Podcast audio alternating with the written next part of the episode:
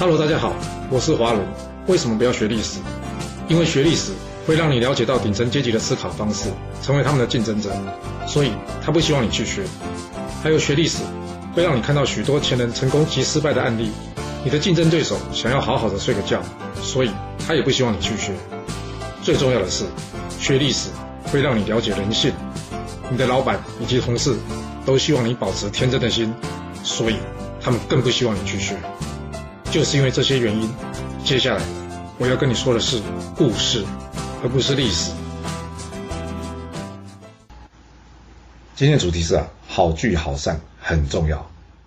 大家应该常常听到，有些公司因为经营不善呢，除了会进行裁员之外，还会将公司的失败怪罪给这些员工表现不佳吧？但是这样做好吗？没有人喜欢认错，所以失败的时候呢，找个替罪羔羊就会变得好像理所当然的。但这结果呢，常常是变成形成公司负面的评价，或是造成日后可能的法律争议以及经营风险了。我们可以从下面这两个春秋时期故事来想一下。第一个是发生在楚国的，一天在楚国攻打陈国啊，抓到一位美女，叫做夏姬。这楚庄王呢，原先想要让这夏姬留下来当做自己的妃子，不过这大臣屈巫却建议了，这女的是个祸根呐，不可以让她纳入后宫啊。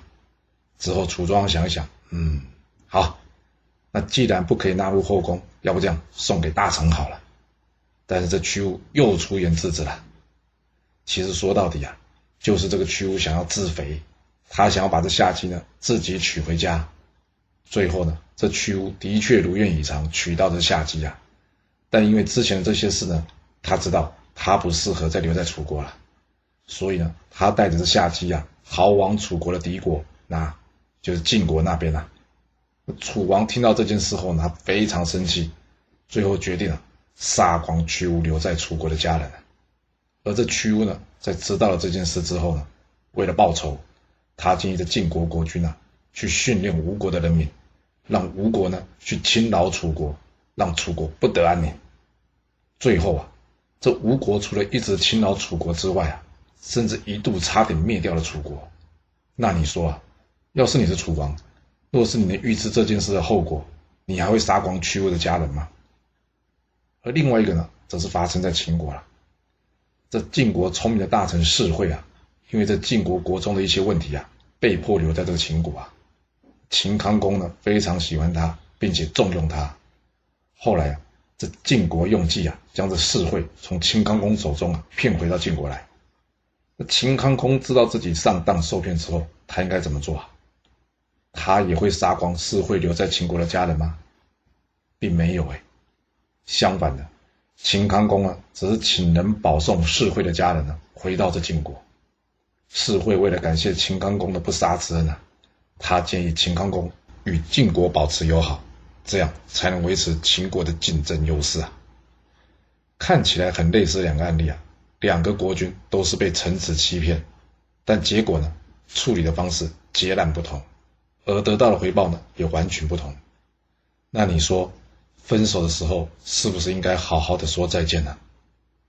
眼光短浅的老板或者主管会认为啊，这下属不如他，何必花时间好聚好散呢？但俗话说啊，风水轮流转啊。今天的下属，你能保证他明天不会成为你的客户，甚至是你的主管？到时候你再来打好关系，那你得付出多少额外的成本啊？人事人事啊，先学会做人，再学会做事。一个成功的人呢，永远会知道，多一个朋友胜过多一个敌人。你说是吧？若是你有其他想法，也欢迎留言分享你的看法给大家哦。好啦，我们今天先说到这。如果你就是不听我的劝，想知道完整版的故事内容，你可以从说明栏找到我爱故事频道的连结。不过记住哦。